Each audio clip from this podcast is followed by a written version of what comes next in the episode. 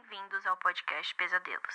Antes de começar o episódio, não se esqueça de nos seguir no Instagram, pesadelos.cast, no Twitter, pesadeloscast e curtir a nossa página no Facebook. Caso queira contribuir para o crescimento do podcast, acesse apoia.c pesadelos. Aproveite o episódio e tenha bons pesadelos. Valdinel Rusté, baseado em uma história real, adaptado por William Camargo.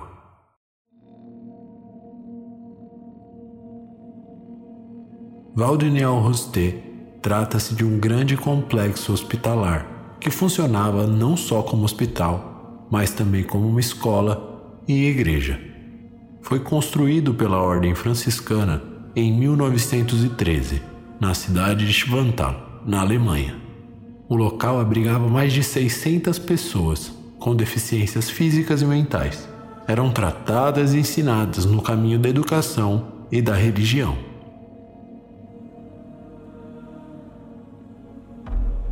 Alemanha, 1933.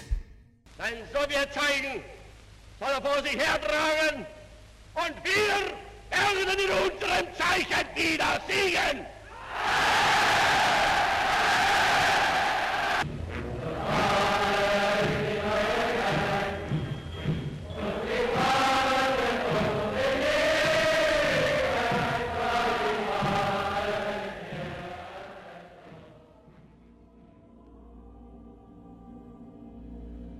Quando o austríaco naturalizado alemão Adolf Hitler assumiu o governo, a ordem franciscana foi expulsa do hospital, mudando drasticamente a função da instituição. O local já tratava mais de 800 pessoas, entre adultos e crianças. A primeira mudança realizada no hospital após a expulsão da ordem foi a esterilização obrigatória de todos os adultos. Em 1933, a Alemanha aprovou a Lei de Não Proliferação de Doenças Hereditárias. Portadores de esquizofrenia, cegueira, deformidades físicas, surdez hereditária, pessoas com deficiência no desenvolvimento mental e até mesmo dependentes de álcool foram forçados à esterilização.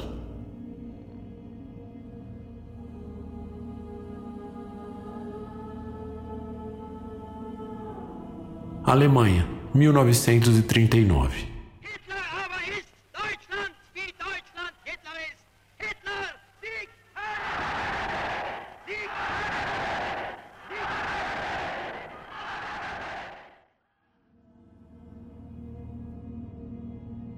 Em 1939, um programa de extermínio em massa chamado de eutanásia foi decretado. Aqueles indivíduos que os nazistas acreditavam representar um ônus tanto genético quanto financeiro para a sociedade e o Estado alemães, devido às suas graves deficiências psiquiátricas, neurológicas e ou físicas, deveriam ser exterminados para a purificação da raça.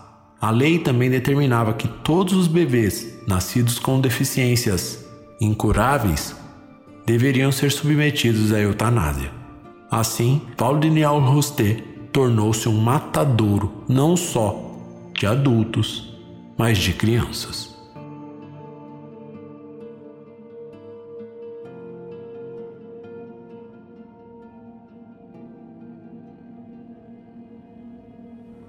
O local também mandava alcoólatras e prostitutas para os campos de concentração, para que fossem exterminados na câmara de gás. Já as crianças eram mortas de uma forma ainda pior. Acredita-se que ao menos 97 crianças tenham morrido no Valdinel Rosted, a maioria delas após receber várias doses de medicamentos para dormir seguidas vezes. O processo era longo e agonizante, levando até oito dias para matar as crianças. Elas acabavam desenvolvendo dispneia e se afogando com o muco anormal que era liberado por sua boca e seu nariz, morrendo sufocadas. Com o fim da Segunda Guerra Mundial, a instalação foi devolvida aos franciscanos, que decidiram vendê-la ao governo federal, que alugou para diversos fins. Desde 1991, o complexo encontra-se desocupado e à venda.